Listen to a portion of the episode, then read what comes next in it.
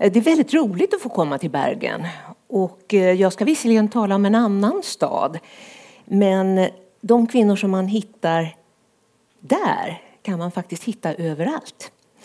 Eh, för jag menar alltså min bok Den nya kvinnostaden som handlar om pionjärer och glömda kvinnor under 2000 år. Och Eh, jag ska faktiskt be att få donera den här till eh, biblioteket efteråt. Men först så ska jag berätta lite om den. Ni undrar kanske varför den här kvinnostaden kallas ny. Finns det också en äldre kvinnostad?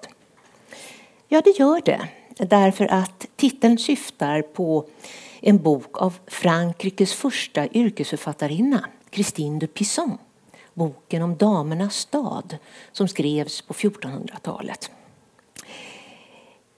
Den börjar med att Kristin sitter omgiven av böcker och undrar över varför historien har behandlat kvinnor så illa. Då står det plötsligt tre gudasända damer framför henne. De presenterar sig som rättvisa, förnuft och rättrådighet. Och de ger henne två vapen till kvinnors försvar. Mod och utbildning. För med mod och utbildning kan kvinnor göra samma saker som män, säger de tre kvinnorna. Det här var inga lättåtkomliga vapen. För all högre utbildning var stängd för kvinnor under hela historien, ända till 1900-talet. Och var kunde kvinnor hämta mod? Mod kan man få genom förebilder. Men de förebilder som hölls fram på 1400-talet var martyrer och lydiga hustrur när det gällde kvinnor. Men de tre gudasända damerna står på sig och ber Kristin att bygga en stad av starka kvinnor. Och den staden byggde hon alltså genom sin bok där hon gav exempel på märkvärdiga kvinnor.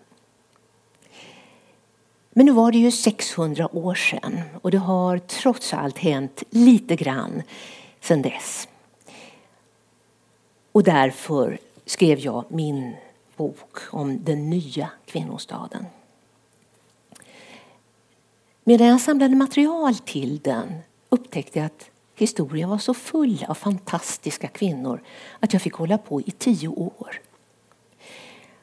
Och vad jag märkte under tiden det var att det fanns vissa perioder då det liksom tätnade av pionjärkvinnor.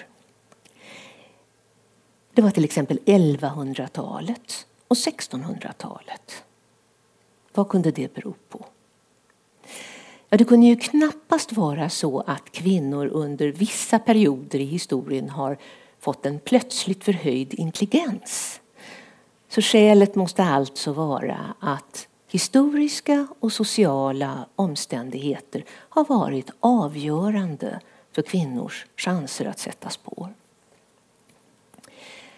Och en miljö som var lite god mot kvinnor var 1100-talets hov och kloster. I Eleonora av Akvitaniens provensalska rike fanns till exempel kvinnliga författare och kvinnliga trubadurer. Och i några tyska kloster kom det samtidigt fram märkliga abbedissor som var mycket mångsidiga. Kloster var en sorts reservat utanför den traditionella kvinnorollen. Så trots att kvinnor fick leva bakom murar så hade de större frihet än gifta kvinnor. De kunde gå in i skapande och forskande roller och då kunde de bli sin tids främsta författare, konstnärer, kompositörer, naturforskare och encyklopeder. En tysk nunna, Roswitha skrev till exempel medeltidens första dramatik. En annan tysk nunna, Hildegard av Bingen, var stor inom det man nu kallar naturvetenskap men också som filosof, författare och kompositör. Hennes musik fick en sorts renässans för sådär 20 år sedan. Och den är mycket mycket originell. Men det som jag personligen älskar mest är Hildegards litterära språk. Hon beskriver till exempel vattnet så här flödande. Det har värme, luftighet, fuktighet, vällande, hastighet, rörlighet. Längre bort ger det träden saft, frukterna smak, örterna grönkraft. Med sin fukt tränger det in i allt. Bär fåglarna, när fiskarna, livar djuren genom sin värme, bevarar kräldjuren i deras slemmiga hölje och omfattar så allt. Man märker att Hildegard hade en ekologisk synpunkt, synvinkel. En tredje tysk nunna, Herrad av Landsberg, skrev en kulturhistorisk encyklopedi men var också själv en skapande kvinna. Precis som Hildegard tonsatte hon bland annat egna dikter. Fast framför allt var Herrad av Landsberg en av 1100-talets mest nyskapande kompositör, komp konstnärer. Jag kommer att visa några bilder efterhand. Ni får gå fram och titta på dem efteråt. Men det här är några av hennes illustrationer. Tyvärr blev det efter Rosvitas, Hildegards och Herrads tid mer tunnsått med kvinnliga banbrytare. Och det skulle det vara i sådär 500 år. För efter 1100-talet flyttades kunskaperna från klostren till universiteten. Och universiteten var bara till för män. Men på 1600-talet hände något. Det började plötsligt poppa upp en massa kvinnliga pionjärer inom många områden och på helt olika ställen. Och det här var ganska märkligt eftersom 1600-talet också var en tid av häxprocesser då hundratusentals kvinnor fick sätta livet till. Ett exempel var Johanna Pedersdotter som 1622 brändes på bål i Stavanger därför att hon var örtkunnig. Och örtkunnig blev också hennes barnbarns barnbarn världens främsta biolog, eh, Carl von Linné. Så visst var 1600-talet kvinnofientligt. Men å andra sidan hade då böcker blivit så pass allmänna att åtminstone mer gynnade kvinnor kunde ta del av den nya världsbild som växte fram mellan teleskop och upptäcktsresor. Och några kvinnor kunde inte bara ta del av andras världsbild. De kunde också sprida egna kunskaper. Det fanns till exempel kvinnliga astronomer som arbetade i familjeobservatorier men som själv också publicerade egna astronomiska tabeller. Och det fanns kvinnor som utgav egna medicinska handböcker som kemisten Robert Boyles systrar. Och det fanns kvinnor som publicerade noter med egen musik. Dessutom så var det på 1600-talet som kvinnor införde den salongskultur där de intellektuella samtalen leddes av damer. Så fastän kvinnor var utestängda från det officiella eh, samtalet, från universiteten och de officiella institutionerna så kunde många bilda sig privat. Man kan ta ett kanske extremt exempel som det holländska universalgeniet Anna Maria van Schurman som bland annat korresponderade med filosofen Descartes. Hon blev något av en turistattraktion i Holland därför att hon sågs som en levande uppslagsbok. Hon behärskade 16 olika språk.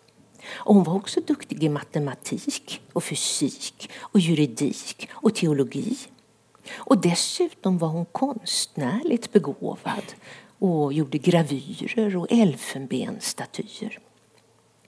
Hon var alltså en typisk gränsöverskridare. Och det har många kvinnor i historien blivit. Till exempel en annan och ännu större holländska, Maria Sibylla Merian. Hon var både biolog och konstnär och dessutom upptäcktsresande. När hon var i 50-årsåldern begav hon sig nämligen till Surinam som ligger nordost om eh, Amazonas och som då var ett mycket fruktat område. En av de lärjungar som Linné sände dit dog mitt i djungeln bland sina ruttnande manuskript fast han ingick i en forskningsgrupp som eskorterades av 500 soldater. Maria Sibylla Merian reste dit på eget initiativ ensam med en 21-årig dotter. Hon ville på plats studera ett ämne som hon brann för. Det då ännu okända samspelet mellan fjärilar och blommor. Det där var en person som hade följt henne som hon var 13 år. Då hade hon besökt en silkesmaskodling smugglade med sig en larv därifrån för att själv kunna studera hur den mycket tålmodigt spann sin kokong av ett par kilometer tråd. Man visste att eh, mullbärs, eh, att, att silkesmaskar levde av mullbär. För det hade en kinesisk kejsarinna an, börjat använda för sidentillverkningen redan 3000 år dessförinnan. Men man visste inte att olika fjärilslarver utvecklas på olika sorters blommor. Pärlemorfjärilar utvecklas till exempel på violer. Ligustersvärmare utvecklas på syrener. Man visste överhuvudtaget så lite om insekter att man ofta påstod att de utvecklades direkt ur smuts. Så Maria Sibylla Merian fortsatte att samla ägg och larver från olika insekter och målade dem genom alla deras utvecklingsstadier. Genom det kunde hon i sina egna böcker illustrera hur olika arter livnär sig på olika växter och presenterar dem i olika stadier. Det här var revolutionerande. För det var långt innan Linné beskrev hur olika organismer beror av varandra. Så man kan undra vad Linné tänkte när han senare kom till Amsterdam för att trycka sina böcker. Även om Maria Sibylla Merian då själv var död levde hennes namn och hennes böcker i hög grad.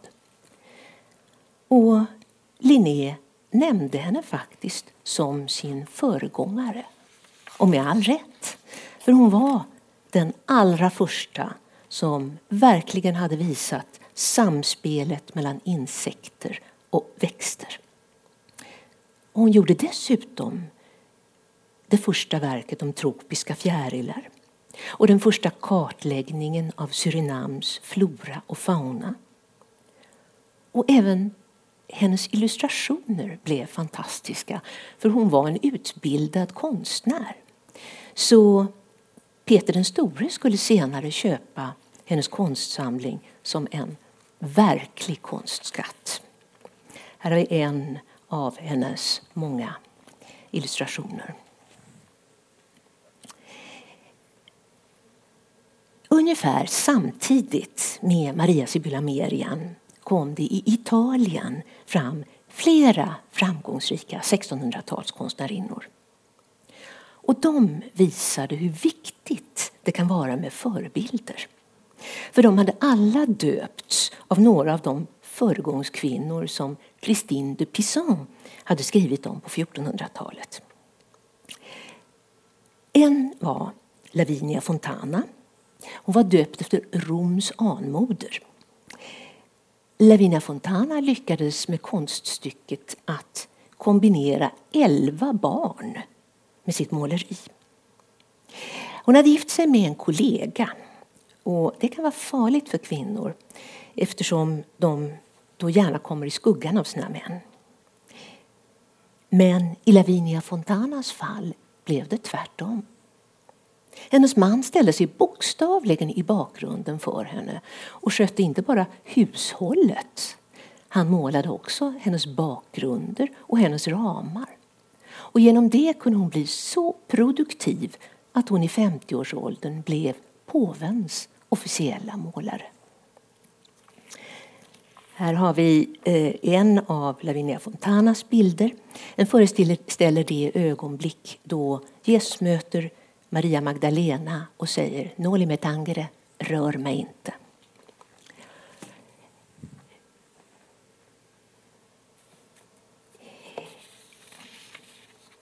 Lavinia Fontana hade som de flesta konstnärinnor lärt sig yrket genom sin målande far. Men hon hade också inspirerats av en märklig samtida som var ändå något tidigare.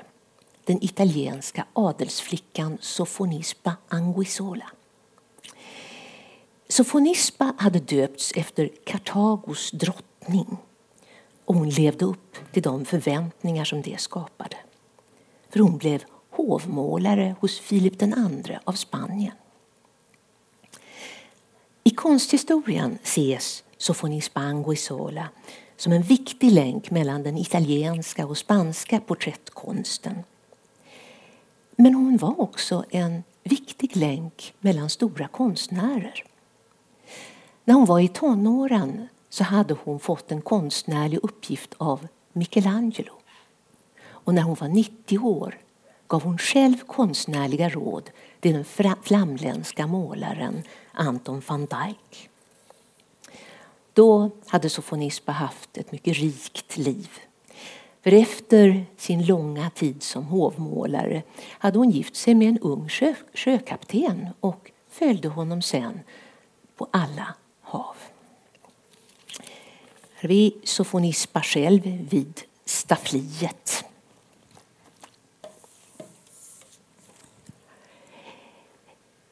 En tredje italienska som gjorde karriär i konsten var Artemisia Gentileschi. Artemisia var döpt efter en kvinnlig härförare i Xerxes armé.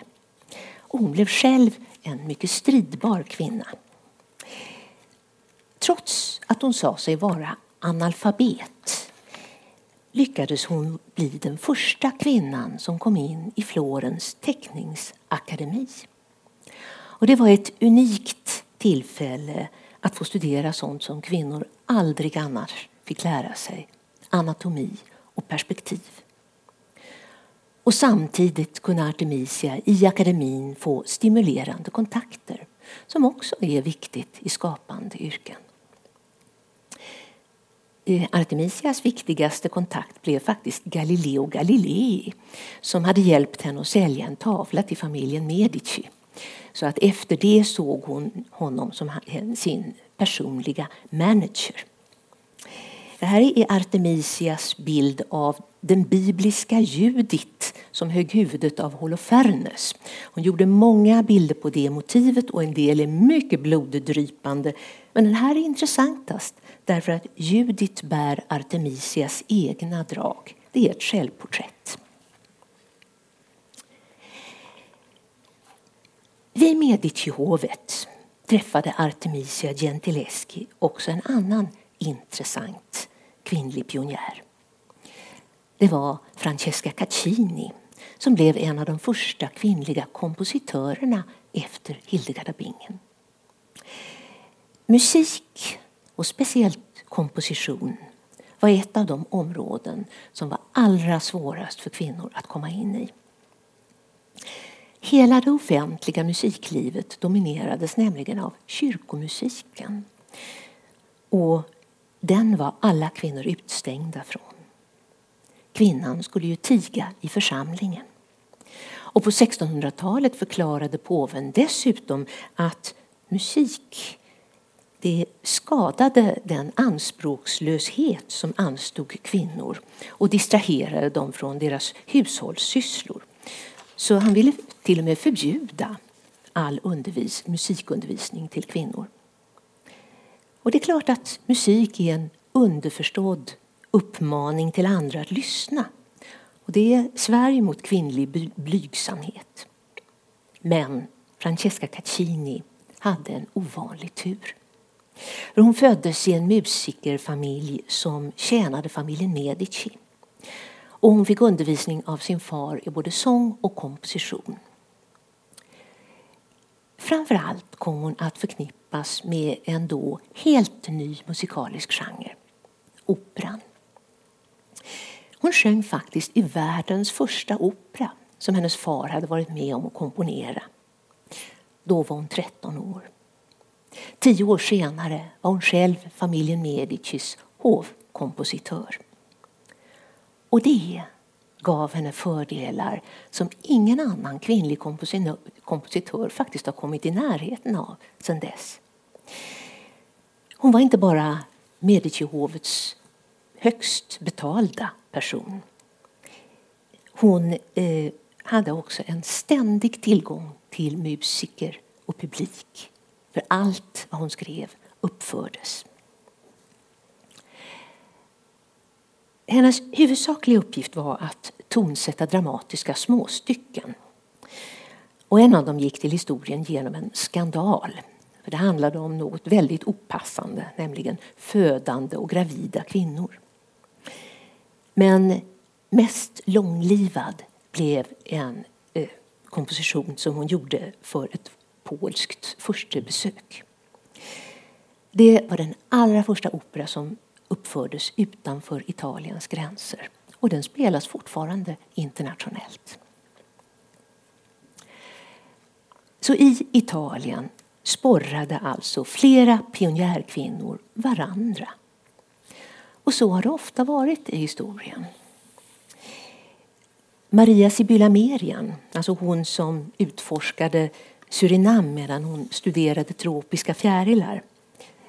Hon hade inga förebilder att stödja sig på. Men efter henne kunde flera kvinnliga utforskare ge varandra mod. En var Mary Wollstonecraft. Eh, på 1700-talet skrev hon en av feminismens tidigaste skrifter till försvar för kvinnans rättigheter.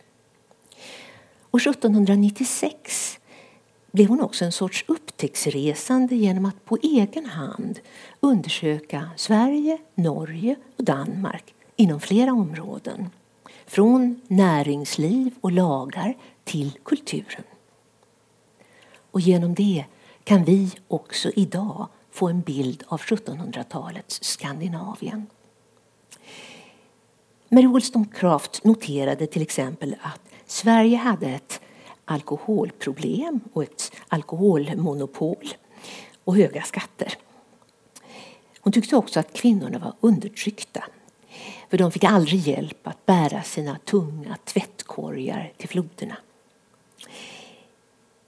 När hon jämförde de nordiska länderna så fann hon att norska mil var längre än de svenska.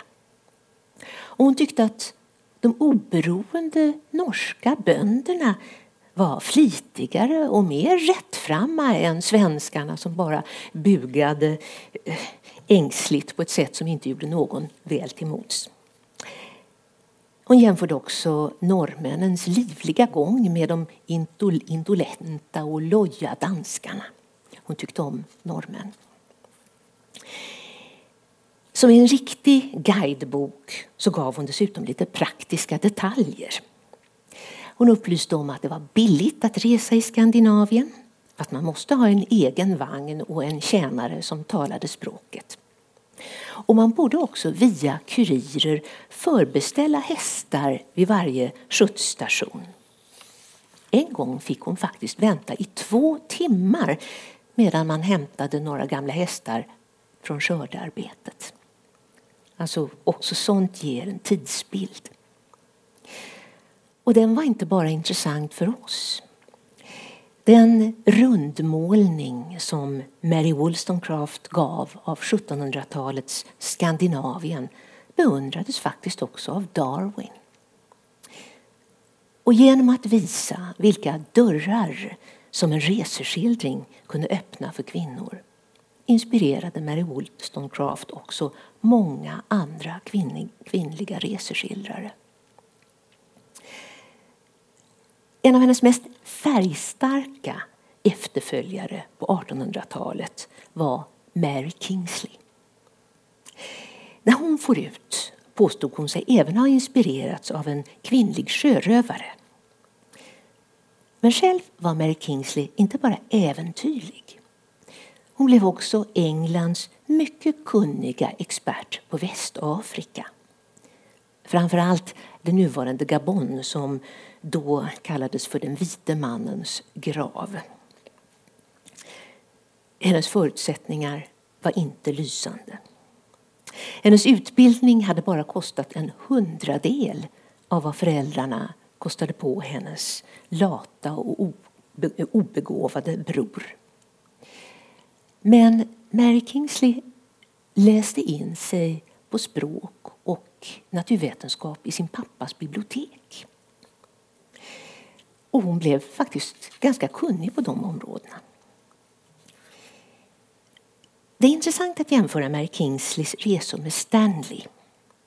Han färdades med bärare och tjänare som varje dag dukade fram vällagade middagar till honom. Han hade en ordentlig militär eskort och ett stort ekonomiskt stöd från vetenskapliga institutioner. 1800-talets manliga utforskare skulle nämligen även lägga vantarna på nya territorier. Mary Kingsley reste ensam. Hon paddlade själv sin infödingskanot. Hon levde precis som sina afrikanska medhjälpare. Om de åt sniglar, eller ormar eller krokodiler gjorde hon det också. Hon hade själv betalat sin utresa genom ett litet arv men klarade sig sen ekonomiskt genom att idka handel. Det är väl knappast förvånande att Mary Kingsley lyckades tränga in bättre än någon annan europeisk intellektuell i afrikanernas liv. Och ändå var Mary Kingsleys strapatser på inget vis mindre än hennes manliga kollegor. Det var tvärtom. Hon föll i fångstgropar och i floder. Hon blev beskjuten och hamnade hos kannibaler. Hon fick en krokodil i sin Eh, kanot. Hon fick en krage av blodiglar runt halsen. Och eftersom hon var mycket godhjärtad så befriade hon till och med en ytterst irriterad leopard från en, från en fälla. Man måste också säga att de spår som Mary Kingsley lämnade blev betydligt trevligare än Stanleys. Stanley för, för, förstörde nästan 30 små samhällen där han drog fram. Mary Kingsley bidrog för sin del till vetenskapen genom att samla nya fiskarter och uppgifter om fetischkulturen. Och hon hade en förmåga att se samband mellan de ämnen hon tog upp. Och dessutom så skrev hon en så underhållande skildring av sina resor att man har jämfört den och jämställt den med Jerome K. Jeroms Tre män i en båt. Hon var även författare. det gick långsamt framåt. På 1800-talet kom det till exempel konstnärinnor som Bert Morisot, en av de allra första impressionisterna. Hon var med om att grunda eh, rörelsen. Och det kom kvinnliga kompositörer som Fanny Mendel Mendelssohn. Fast sex av Fanny Mendelssohns pianostycken utgavs under hennes brors namn, alltså av Felix Mendelssohn. Men det var på 1900-talet som pionjärkvinnorna verkligen kunde sätta spår. För då började kvinnor nämligen äntligen få tillgång till högre utbildning. Och hur viktigt det var såg man genast i vetenskapen. Madame Curie fick två Nobelpris. Och flera kvinnor följde snart i hennes spår. Så även om bara några procent av alla Nobelpristagare har varit kvinnor har de gjort viktiga insatser. Det är till exempel Dorothy Crawford Hodgkins som kartlade strukturen i penicillin, insulin, vitamin B12 och kolesterol. Och det är Gertrude Elion som skapade mediciner som botade leukemi och hindrade avstötningen av transplanterade organ. Och det är Rita Levi Montalcini som inte gav upp då den italienska fascistregimen stängde ute henne från universitetet för att hon var judinna. Hon inrättade istället ett laboratorium i sitt eget sovrum. Hon köpte ett enkelt mikroskop och en äggkläckningsapparat och sen tiggde hon ägg av traktens bönder. Så slipade hon sina synålar till skalpeller och började att frilägga nervsystemet i kycklingembryon. Och vad hon såg det var då hur vissa nervceller plötsligt kunde dö för att hjälpa andra celler att utvecklas. Och då förstod hon att det var på så vis som former kunde utvecklas i växande organismer. En riktig megastjärna var också genetikern Barbara McClintock som brukar kallas för vår tids Mendel därför att hon lyckades förklara mysteriet om hur barn kunde bli unika och inte kopior av sina föräldrar. Hon förstod detta med hoppande gener.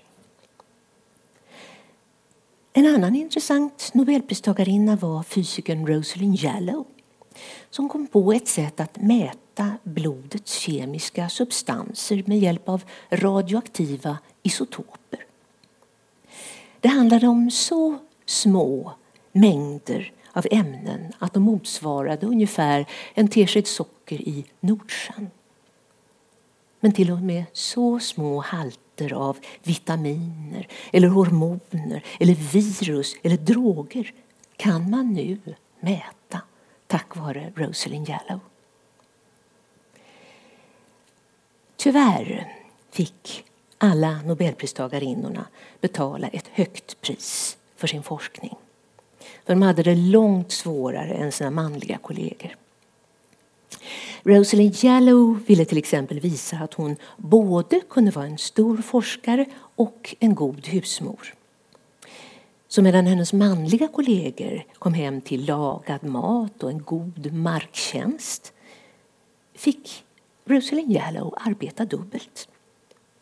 Hon fick gå till laboratoriet i grytningen och sen kila hem ett par gånger om dagen för att göra lunch och middag och förhöra läxor och sen arbeta långt in på nattkröken. Dessutom så sågs hon ofta som en assistent till sin manliga forskningskompanjon trots att de arbetade lika, gjorde lika viktiga uppgifter. Och då hon fick ett Nobelpris så blev tidningsrubrikerna Nobelpris till amerikansk husmor. Och andra nobelpristagarinnor eh, presenterades på samma sätt. En mamma från La Holla får Nobelpris. Eller brittisk hustru får Nobelpris. Och eh, när man presenterade dem så kunde det vara med att de var en älsklig husmor, eller duktig husmor. Skärpta kvinnor har alltid funnits. Världens första namngivna författare var faktiskt en kvinna. en hedoanna från Mesopotamien för sådär 4000 år sedan. Och minns ni den gamla greken Pythagoras, han med Pythagoras sats? Han hade undervisats av en kvinna, Aristokleia. Och han var också gift med en kvinnlig filosof som också var duktig matematiker, Theano. Och sen fick Pythagoras 17 kvinnliga elever. Fast tyvärr slutade de alla med filosofin sen de hade gift sig. Det är en klassisk historia. Och nog har kvinnor yrkesarbetat. I senmedeltidens yrkesförteckning myllrade av verksamma kvinnor. De var slaktare, barberare, garvare, bagare, smeder och guldsmeder, tunnbindare och bokbindare, förgyllare och färgare, skomakare och gördelmakare, sidenvävare och brodöser. Och de handlade med kryddor, skinn, järnkram och kol. De bryggde och de hade värdshus. Men ändå så stod kvinnor i regel utanför skråväsendet som de bara kunde komma in i genom samarbetet med sin man. De saknade också medborgarskap i städer eftersom medborgarskap bara gavs till dem som deltog i ett väpnat försvar. Gifta kvinnor stod dessutom under sin mans förmyndarskap. Å andra sidan så har de kvinnor som fick möjligheter gjort mycket väl ifrån sig. Antalet stora kvinnliga regenter är till exempel större än antalet stora kungar om man ser det proportionellt. Och eftersom män har haft mycket större möjligheter än kvinnor har många kvinnor tagit till knepet att ta en manlig pseudonym för att lättare accepteras. Det är till exempel författaren George Sand, Aurore Dudevant och George Eliot, Mary Ann eh, Evans och Isak Dinesen, Karin Blixen och skulptören Marcello som egentligen var en hertiginna. Systrarna Bronte publicerade sig också först under manliga pseudonymer. Andra kvinnor har gått ett steg längre och till och med förklätt sig till män. Flera blev soldater och några blev till och med befäl som en grekisk general. Eh, fast att hon var kvinna visste man ju inte då.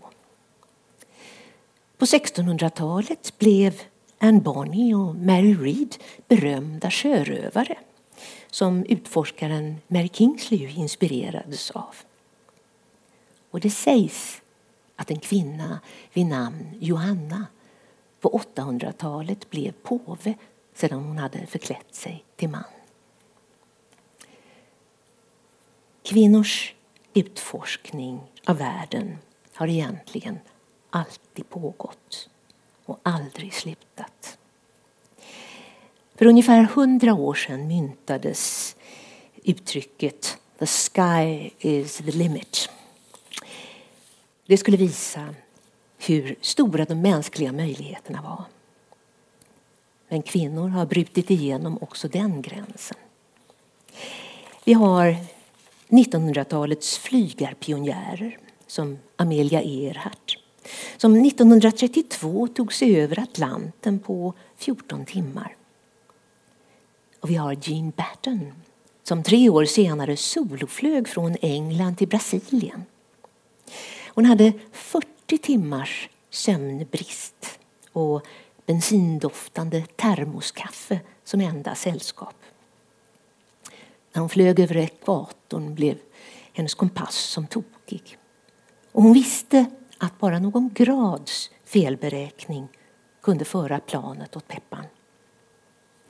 Men belöningen var sällskapet av en albatross över planet och senare orkidédoften som steg från djungeln. Hon fick många efterföljare. Under andra världskriget hade USA ett tusental kvinnliga piloter. Och sen gick det allt snabbare. Det kom kvinnliga testpiloter och kvinnliga astronauter. En av de senare, senaste i raden var Julie Payette som som barn såg Apollolandningen på tv. Hon sa då jag vill också köra månjeep. Hennes föräldrar skrattade inte åt henne. 30 år senare klev hon ombord på rymdfärjan Discovery. Och där ser man den nya kvinnostaden har egentligen inga gränser. Nu bestämmer invånarna själva till stor del var de går. Och där tänkte jag sätta punkt. Ja, jag, jag donerar alltså den nya kvinnostaden till eh, Bergens bibliotek och för att eh, det inte ska vara någon Eh, ojämlikhet mellan könen. Eh, det, här, det finns faktiskt nästan bara, i innehållsförteckningen här så finns det bara kvinnor. Eh, det förekommer en och annan man. Till exempel konstnären Edvard eh, Degas han var, han var väldigt bussig mot kvinnor så att han får komma med. Men han står inte i litteraturförteckningen. Men det här är bara kvinnor, det här är nästan bara män. Och Gutenberg-galaxens Nova, eh, det är min senaste bok och den fick eh, bland annat Augustpriset. Den handlar om eh, en väldigt intressant period det är renässanshumanismen och vi, vet mycket om den italienska renässansen men vi vet inte, det är inte så allmänt känt vad som hände i vår del av, eller i, högre upp i Europa. Eh, och det här det är en hyllning också till boken, så jag tycker den passar Bergens bibliotek. Tack.